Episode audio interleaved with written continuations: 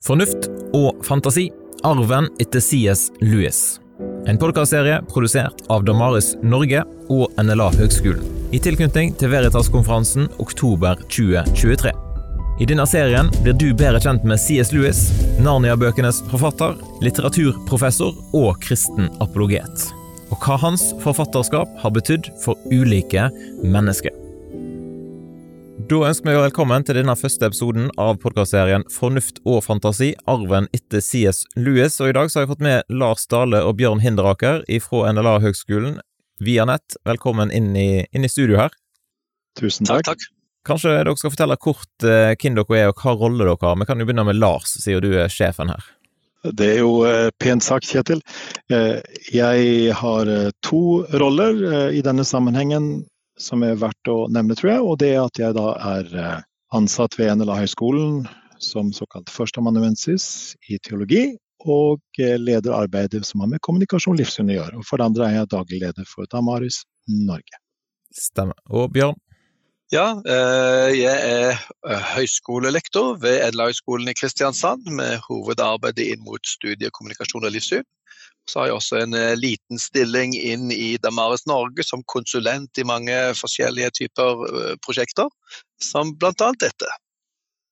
En, en, rolle som vi også kan nevne her, er jo at jeg er programleder i Veritas-konferansen, så jeg er sterkt involvert i program og innhold og planleggingen av den. Og hvis dere har lest manus nå, så står det at en av dere skal spørre meg hvem er du, Kjetil? Men Kjetil, hvem er så du? Jeg jobber som nettkonsulent for Damaris Norge, vel kanskje den som er ansvarlig for, for podkastene våre. Hvordan sier jeg sånn, Lars? Eh, så absolutt, og, og jeg syns jo ikke det er noe skamme seg over, Kjetil, er det det? Nei da, absolutt ikke. Så jeg kommer til å være litt programleder i en del av episodene her, og så er det noen som der andre er inne. Men kanskje vi skal si litt om hvorfor lager vi denne serien her? Utgangspunktet er at vi i år uh, har tiårsjubileum uh, for Veritas-konferansen, den årlige Veritas-konferansen, og i år setter vi søkelys på ingen mindre enn C.S. Lewis. Og da gjelder det da uh, arven etter han, både knytta til fornuft, bruk av fornuft og bruk av fantasi. Og det er jo riktig å si at C.S. Lewis er nok den, den, mest kjente kristne apologeten eller trosforsvareren fra de siste hundre år verden over. Jeg tror ikke det vil være en, en gal beskrivelse. Eller er du enig i det, Bjørn?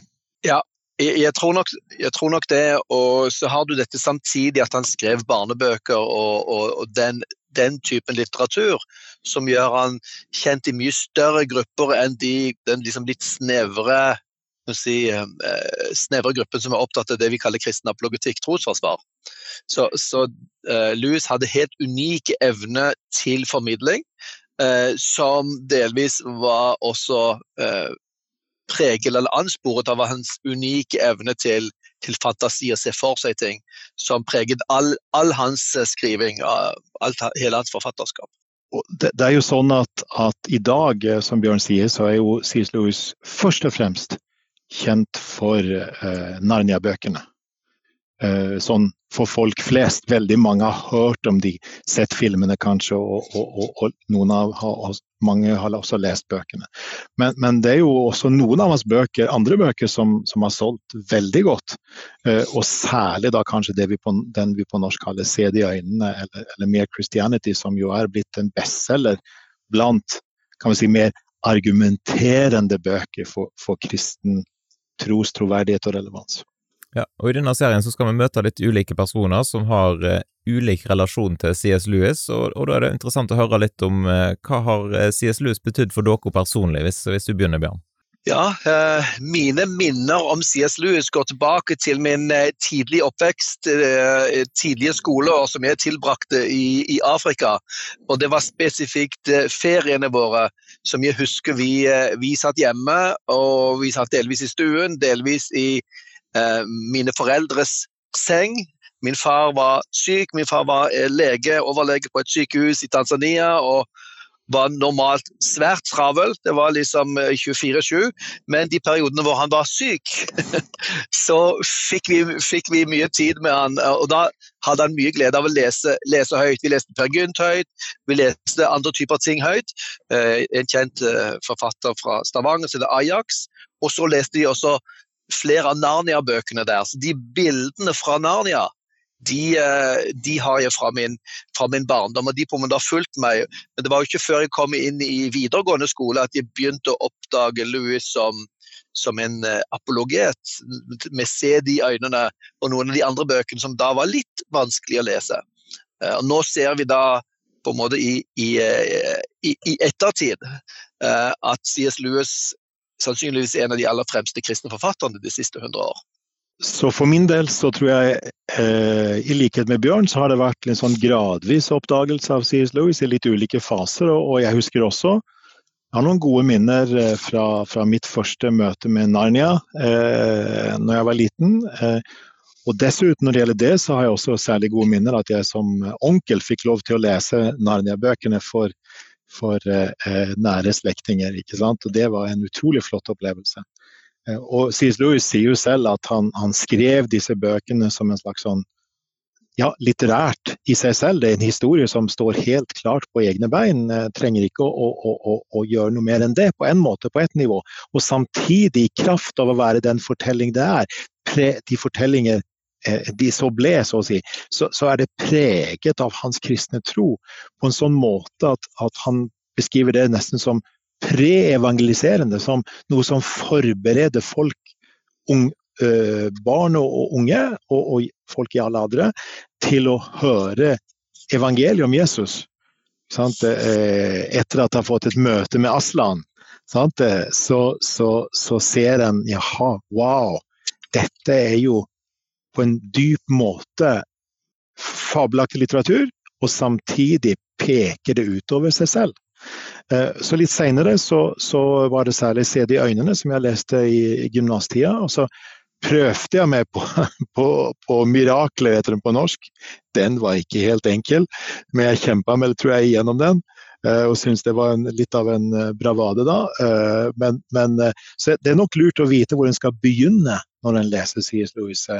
For, for 'Se det i øynene' var jo opprinnelig en, en radioserie. Sant? Det var en serie taler i i eh, BBC under krigen, under annen verdenskrig. Og, og, det forklarer jo hvorfor det er en veldig lett sjanger og stil. Hvis jeg skal dele litt om eh, mine første CS Lewis-minner, så er det fra typisk jul da jeg var relativt liten. Da sendte de denne BBC-serien, den første kanskje som ble lagd av Narnia-serien. Eh, så da å stå opp litt tidlig på juleferien og, og, sitte og se på det, det var en fantastisk god opplevelse. Dere, er dere er litt for gamle til å ha sett på sånt? Å nei da. Eh, så gammel er vi ikke, Kjetil. men, men, men eh, jeg husker den eh, TV-serien, ja. Og, og, og, men ikke, sant? ikke som barn, da, ikke sant? Men, men litt lenger ut i, ut i, livet. Jeg vet ikke, Bjørn, har du noen minner av den? Um, du kan jo si jeg vokste opp delvis i Afrika. Ikke var det særlig TV der. Når vi kom hjem, så var det helt begynnelsen på TV. Altså begynnelsen på 70-tallet, så, så, fikk vi jo TV hjem til oss. Og da ehm, Det har ikke vært så veldig mye Narnia da, men jeg husker jo fra Jeg vet ikke helt når de første av de nye Narnia-filmene kom. Eh, da fikk vi, fikk vi glede av de, men ellers er det ikke TV-bildene jeg, jeg husker fra, fra Narnia i det hele tatt. Du nevnte dette med bøker, Lars, og hvor en skal begynne. Hvis dere skal anbefale noen, da, hvor vil dere sagt at eh, her er den beste plassen å begynne? Jeg tenker at det er veldig naturlig å begynne med Se det i øynene. Eh, som jo finnes nå i, i, i ny, god norsk utgave. Eh, og, og, Bjørn, du sitter jo i forlagsrådet i, Veritas forlag. Har du lyst til å si noe om den boka? Det, det er en veldig god bok som da er skrevet, eller ble formidlet under andre verdenskrig i radioforedragsformat, og som er da skrevet om til bokformat. Um, hvor det viser seg at Louis faktisk var en veldig god formidler til allmennheten. Um, at det var ikke bare en akademiker han var, men han, han uh, anstrekte seg for å snakke ganske allment. Selv om når vi, når vi nå leser bøkene hans nå, så ser vi ok, jeg vet ikke om dette hadde helt fungert på radioen. Det er såpass dypt, og du må liksom henge godt med.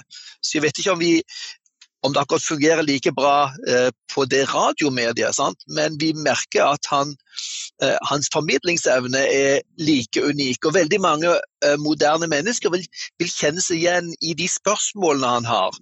Og måten han nærmer seg spørsmålet om kristen tro og Gud, begynner med, begynner med den undringen og spørsmålet om hva, hva er dette med moralen? Hvor, hvor, kommer dette fra? Er det bare instinkter osv.? Så, videre? så går han, går han videre til å, til å argumentere for at det må finnes noe over denne moralsansen vi har, den moralske intuisjonen, for at den skal kunne være gyldig. Eh, og, og, Det var jo en av de tingene han slet med som, som eh, ateist eller naturalist i sin ungdom, hvor han ikke kunne helt gi mening til spørsmål om moralen, samtidig som han var opprørt over urett og ondskap i universet. Eh, som, som han, når han, når han prøvde å være konsistent som en ateist, så han at det var ikke noe grunnlag for å være opprørt egentlig over det, for det er bare en del av naturen som den er. Så uh, se det i øynene et veldig bra sted å, uh, å, begynne, og inngang til kristen tro. Både hjelpe å forstå den og gir gode grunner for både tro på en gud og tro på det kristne bildet av Gud, uh, samtidig som den forteller historien veldig bra.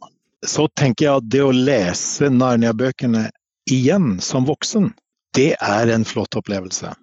Uh, for, for, da ser en at sant, som god litteratur, altså som stor barnelitteratur, for å si det sånn, så er den ikke bare skrevet for barn. Det, det, er mange lag i historien, og en vil eh, få dette Altså, uh, hva heter det En, en, en, en får denne gjenkjennelsen fra, fra, fra, fra, barn, fra opplevelsen fra, tidlig, kanskje, i barne, barneår, men samtidig så oppdager en mange nye ting. Og, og ikke minst bildet som tegnes av Aslan, som jeg allerede nevnte litt tidligere, det er så fascinerende. Sant?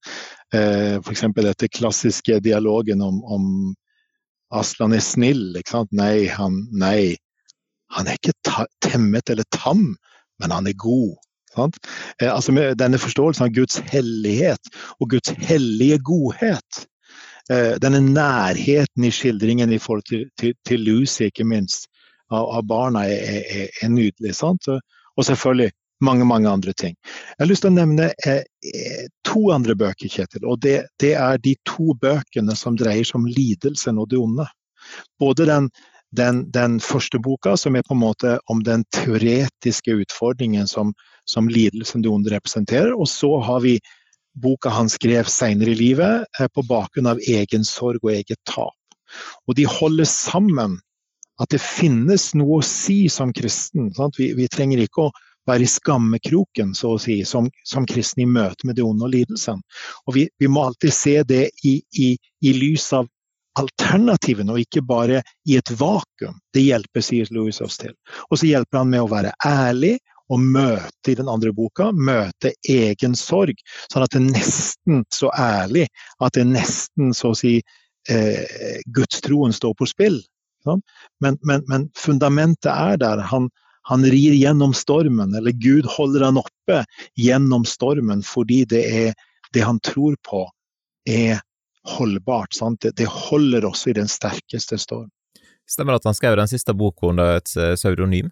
Ja, det er riktig. Jeg husker ikke helt hva, hva pseudonymet var. Eh, det var en, en, bok som er så sterk i språket og har så mye bitre, bitre utfall mot Gud Um, at han tenkte at dette var kanskje ikke det um, fungerte som kristen oppbyggelseslitteratur. Men det var noen av vennene hans som hadde lest den boken og kom til Louis med den og sa ja, dette er en bok som du trenger å lese, Louis. Uh, for dette går midt inn i din situasjon hvor du i, i smerten over å miste din, din, ditt kjæreste, uh, din kone, i, i kreft, så, så, vil denne boken uh, være med deg inn i den smerten og kunne sette ord på det. Hva heter, hva heter den boka på norsk? Dagens uh, quiz? Um, på engelsk heter den, uh, Lars?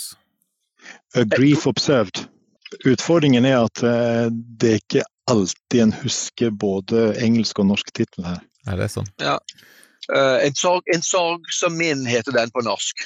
Hvis jeg skulle anbefale noe å lese, sånn i tillegg til, eh, til Narnia og Se det i øynene, som et godt sted å begynne, så vil jeg nevne for det første 'Djevelen dypper penn'.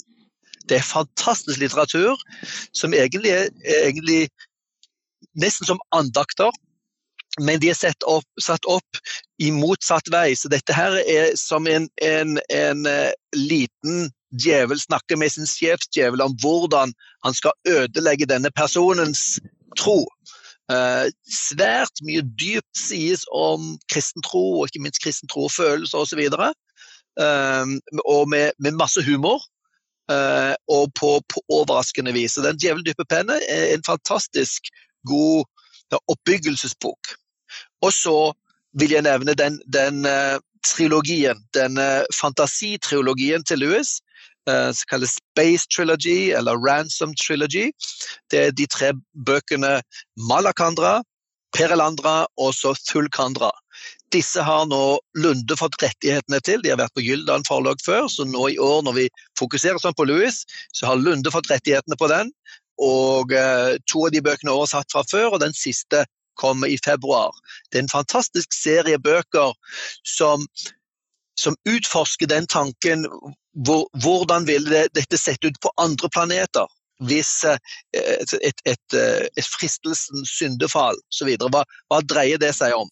Jeg synes Det er en fantastisk uh, uh, serie som, som, er spennende i seg selv, men jeg synes som, som, som, kristen og teolog så er det ekstra spennende å reflektere over ja, i et annet, annet univers, hvordan ville dette sett ut, og hvordan kan det hjelpe oss å forstå den verden som vi lever i.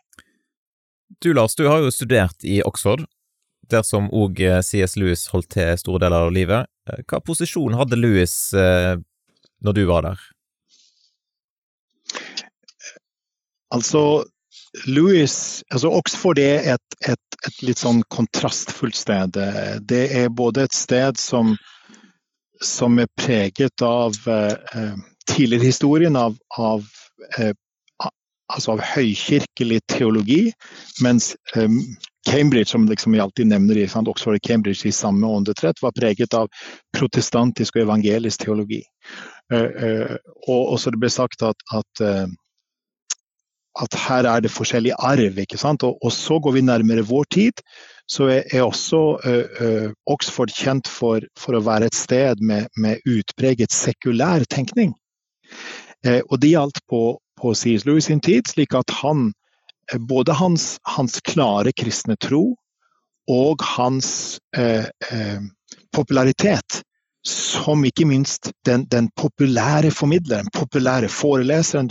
Han fylte auditoriene og populære forfatteren. Og, og, og, vi har allerede nevnt om, om hans radio, eh, radio, radiobidrag, som, som, jo ble veldig kjent. Og så jeg tror det var kanskje ikke så, ikke så lite eh, av misunnelse blant kollegaene i Oxford. Eh, men det var også knytta til hans kristne tro. Og, og, og, vi ser at i dag så, så, har det vært flere Richard Dawkins, den mest kjente ateisten, har, sitt, sant, har sin base i Oxford. Eh, Philip Pullman, en, en veldig kjent eh, romanforfatter som, som, har satt liksom, et mål om å, å danke ut C.S. Lewis som, som barneforfatter, ut fra et sekulært ståsted. Eh, og det positive med Pullman er at han er åpen om sine forutsetninger. Så det er på en måte, eh, Og det er selvsagt Dawkins også. Så derfor så er det Jeg tror at, at i Oxford så tror jeg mange er, i hvert fall i akademisk sammenheng, så, så vil folk være litt stolte av C.S. Lewis, men ikke helt innrømme det.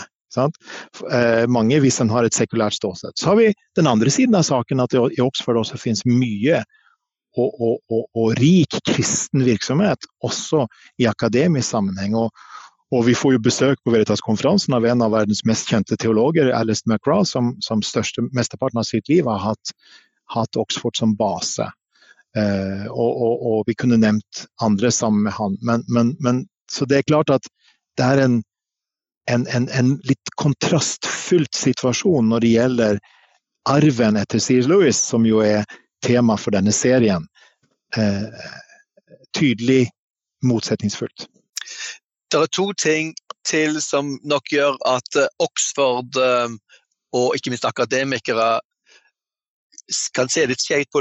Så det, det, ene er jo det at i sin selvbiografi um, så fortalte han historier og diskusjoner og illustrerte fortellingen med, med, som gjorde at noen av hans kolleger kjente seg igjen. Uh, og som ikke, ikke akkurat fordelaktig. Ingen andre vil kanskje kjenne de, men, men noen, noen, ble rett og slett fornærmet på Lewis, som nok gjorde at, at, det var en av grunnene til at han ikke ble utnevnt til professor før helt på slutten av sin tid. Um, det andre er nok også noe av den akademiske stoltheten. Louis, Louis ble populær ikke for sin akademiske forskning eh, først og fremst, men for sin populære formidling. Og han, han, han befant seg da på et felt, altså formidling av kristen tro, teologi, som ikke var hans fagfelt. Og for noen akademikere så er det liksom en, en, en, en fy-ting. Sånn du skal holde deg til ditt fagfelt, uh, og, og, dermed er det noen uh, akademikere som har noe utfordring med å forholde seg til CS Lewis. Hva var det så egentlig var fagfeltet hans? da? Hans fagfelt var eh, engelsk, engelskfaget, for å si det sånn. og det var særlig da engelsk litteratur i middelalderen og renessansen. Sånn som vi snakker om, om en betydelig tidsperiode. Og, og der han jeg tror det vil være riktig å si at han var en av de mest anerkjente fag, fagpersonene i sin uh, samtid på dette fagfeltet, og har skrevet mange, mye bare om dette. Og det, Alistair McGrath som kommer, kommer, på besøk, han, han har skrevet den, den, mest kjente biografien eh, om C.S. Lewis, i hvert fall den, den, som nylig er kommet ut, og omfattende biografi.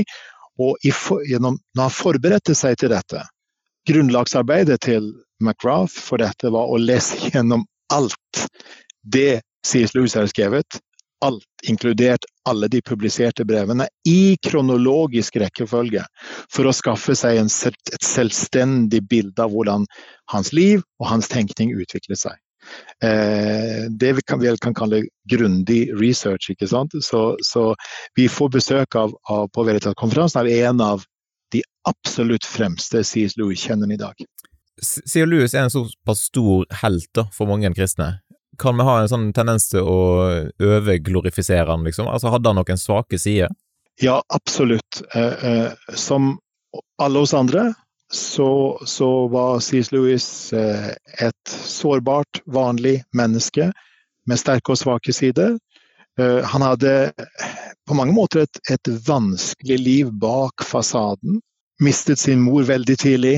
Eh, levde, erfarte skyttergraven i første verdenskrig, noe han nesten ikke sa noe om. Han, var, fortrengte han det? Var, hvordan påvirket det hele livet?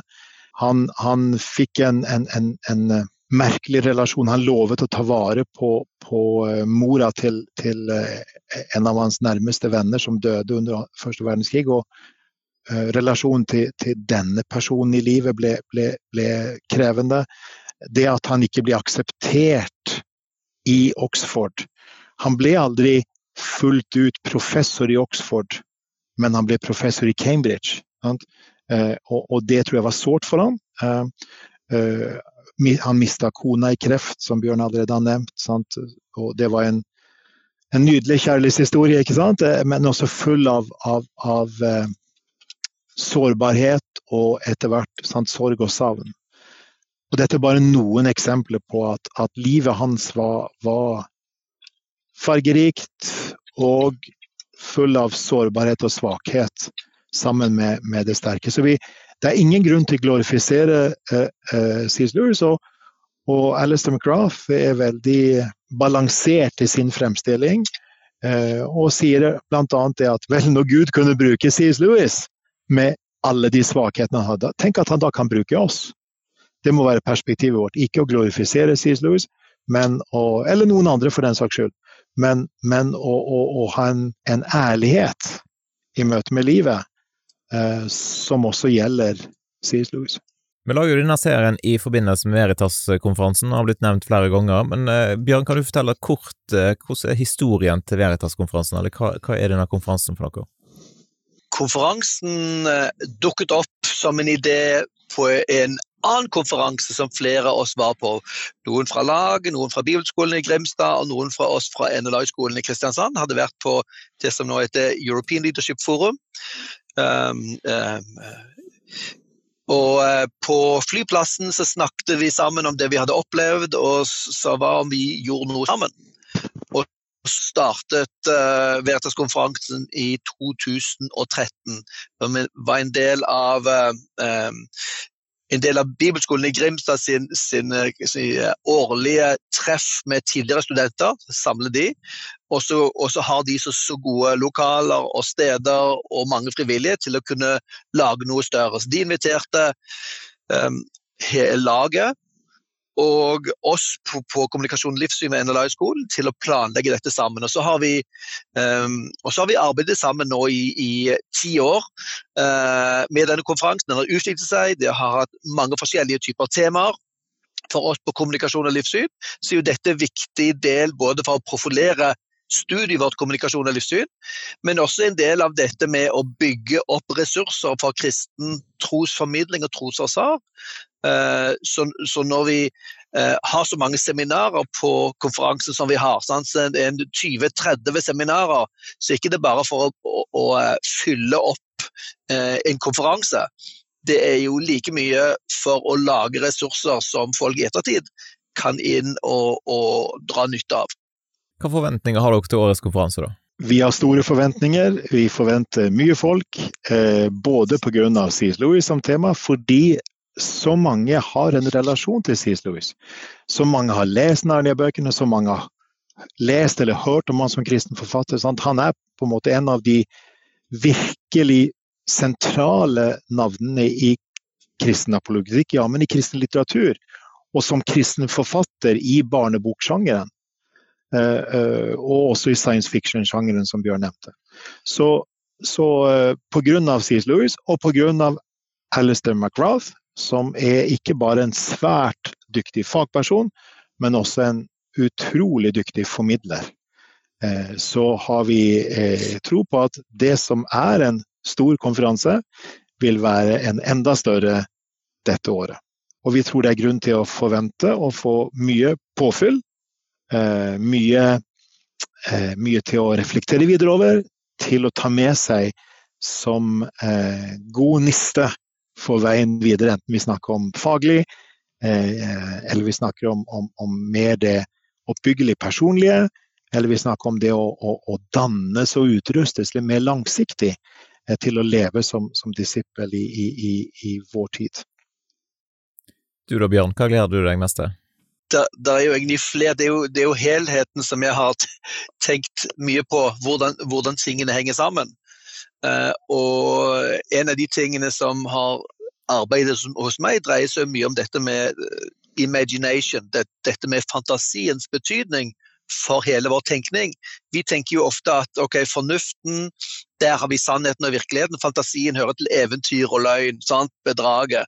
Men Louis tenker dypere om dette når han også bruker ordet imagination. For det, det å kunne forstå og analysere noe, så er du nødt til å ha et begrep på noe. sant? Eh, og disse begrepene er jo lagd opp av bilder. Uh, im images, sant? Uh, og, og, og, så sier han at, at vår, vår, fornuft har to ulike verktøy. Den ene er det, den, den, den strengt tatt den rasjonelle fornuft-analyseverktøyet som fornuften vår har. Som er kjempeviktig, og som er måten vi kan finne sannhet på ved å analysere ting kritisk og stille kritiske spørsmål. Men før vi kan begynne å tenke, så trenger vi begrepene og metaforene som hører til eh, imagination sin rolle, som hjelper oss å se og forstå ting. Eh, så vi trenger begge disse to tingene, og de dukker jo opp, eller de preger jo sterkt C.S. Lewis hele, hele hans forfatterskap. Både dette han skriver disse fantasifortellingene, Narnia og, eh, og denne trilogien osv. Men selv i, i, hans apologetiske litteratur som argumenterer, så er han svært flink til å bruke språk og begreper og bilder og metaforer som hjelper oss å gripe og forstå det en skal snakke om. Og dette, um, dette vil du se uttrykt i, um, i, programmet som dette med imagination, det, det å se for seg ting.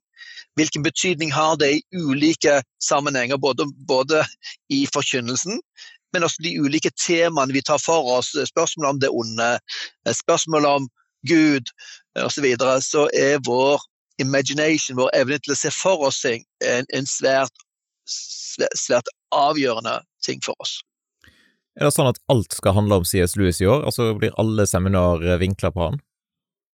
Nei, eh, det, det, det, er ikke slik. Det er en, en, del seminarer som er vinklet på han, og en, en del seminarer som har utgangspunkt i noen, noen av hans tanker og, og, bøker. Men det er en god del seminarer som tar opp generelle temaer som spørsmål om Gud, Guds eksistens, hvem er Gud, eh, spørsmål om Jesus, spørsmål om det onde osv., og, eh, og som står for seg selv. Og I år så har vi delt opp seminarene seminaren i tre ulike nivåer. Det ene kaller vi intronivået, som ikke forutsetter verken noe særlig kunnskap om kristen tro eller kunnskap om kristen apologetikk, som er ment å kunne være for alle. Til og med de som er fremmed for kristen tro. Og så har vi det, det vi kaller medium, som er litt mer krevende og har litt mer forutsetninger. Og så har vi det tredje nivået som vi kaller dybde, som kan bruke noe fagspråk, selv om ikke det er det er ikke fagseminarer. Eh, men de, de, med dybde de kan gå litt dypere og bruke kanskje litt, litt mer faglig terminologi. I starten så var vel Veritas-konferansen en relativt sånn ungdomspreget konferanse. Har det utvikla seg? Altså er, den, er, det åpent for alle? Det er sånn at, at det er to definerte målgrupper. Det ene er helt opplagt unge. Eh, en ønsker å nå unge gjennom gjennom sant, Bibelskolen er arena, laget er en av tre arrangører, og vi har våre studenter. Og, og, og, samtidig så, så, har vi nå i fjor, og i, i også vil være sånn i år, at det vil være nettverkssamlinger. Og de nettverkssamlingene er for spesielle målgrupper, inkludert for pastorer, forkynnere, for ungdomsarbeidere, for akademikere og andre. Hel, og lærere, ikke minst. Eh, eh, og da ser vi at eh, dette er en bredere målgruppe. Og, og, for oss som er i, i, i, i eh, på høyskolen i akademia, så snakker en ofte om det livslang læring. Og, og, snakker om voksenpedagogikk og snakker om etter- og videreutdanning. Og sånn sett kan vi se på hele Veritas-konferansen som et etterutdanningstiltak. Som det å gi ressurser for videre refleksjoner og tenkning. Og derfor er det så flott at vi gjennom Damaris kan forvalte og formidle alle taler og, og, og, seminarer. Sånn at Når vi nå snakker om dette, er jo dette i forkant av årets konferanse. Men det er jo like relevant å høre på denne podkasten vi har nå, etter årets konferanse. Eh, fordi taler og seminarer vil være tilgjengelig da eh, på, på Damari sine flater, snakk om tro. Eh, særlig. Så, så, jeg vil si at, at vi har denne doble målgruppen. Eh, unge, ja og særlig unge bevisste kristne som ønsker å lære mer om kristen tro, ønsker å bli, bli forankret og fordypet i sin tro. Eh, og så har vi denne etterutdanningsdimensjonen, denne, denne breiere formidlingen til motiverte, bevisste kristne i alle aldre som trenger det like mye som unge. Kan vi kanskje nevne også spesielt at det er ulike nettverkssamlinger, bl.a. For, eh, for lærere. Er ikke det veldig aktuelt å komme på? Ja, eh, vi har faktisk seks ulike nettverkssamlinger. Så er tanke, tanken om det i programmet er at her er det grupper som er på ulike arenaer, som kan møte hverandre for å snakke om utfordringer og muligheter. Og disse nettverkssamlingene er ikke nye foredrag og seminarer, men mer en møteplass. Vi har en, eh, en møteplass for studenter, det er folk som enten er studenter eller skal bli studenter. Vi har eh, nettverkssamling for ungdomsledere. Eh, de som arbeider med ungdom i kirker og menigheter, eller kanskje på skoler, og miljøarbeidere. Vi har et nettverk for de som formidler til barn og søndagsskole og sånt.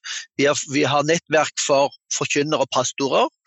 Vi har nettverk for lærere, som du nevnte, og vi har et nettverk for eh, akademikere folk som jobber på høyskole og universitet, eh, og gjerne vil gjøre en forskjell. og Da kan nettverksbygging og de tingene prosjektene vi holder på med, være svært nyttig.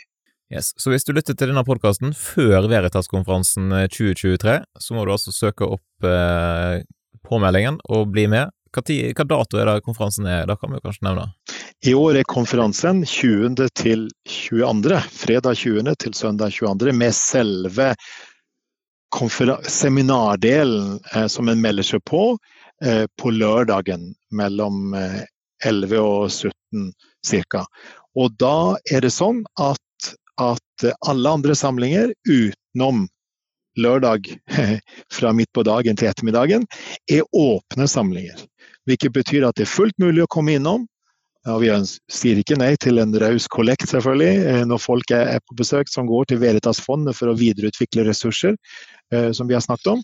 Men påmeldingen, dersom en er til stede på selve seminar, den intense seminarbolken, så er det eh, en konferansepris for det, som, som er med og bærer kostnadene ved, ved helheten. Og Har du ikke mulighet til å ta turen, så vil jo masse av ressursene kommer ut i etterkant i Damas Norge sine kanaler, både i podkasten vår som heter Snakk om tro, på nettsida vår som heter snakkomtro.com, og på Damaris eh, sin YouTube-kanal. Og Det er jo interessant å se, Lars, eh, at det er relativt mange som har vært inne og sett eh, tidligere opptak fra Veritas-konferansen, kanskje spesielt eh, de til, til John Lennox. Ja, Vi oppdaget jo her, Kjetil, at vi har jo ikke gjort noen som helst markedsføring aktivt egentlig for YouTube-kanalen. Og plutselig så lever det nesten sitt eget liv på, på, de, eh, på disse flatene. Og det er oppmuntrende å se at, at, ressursene når frem til så mange.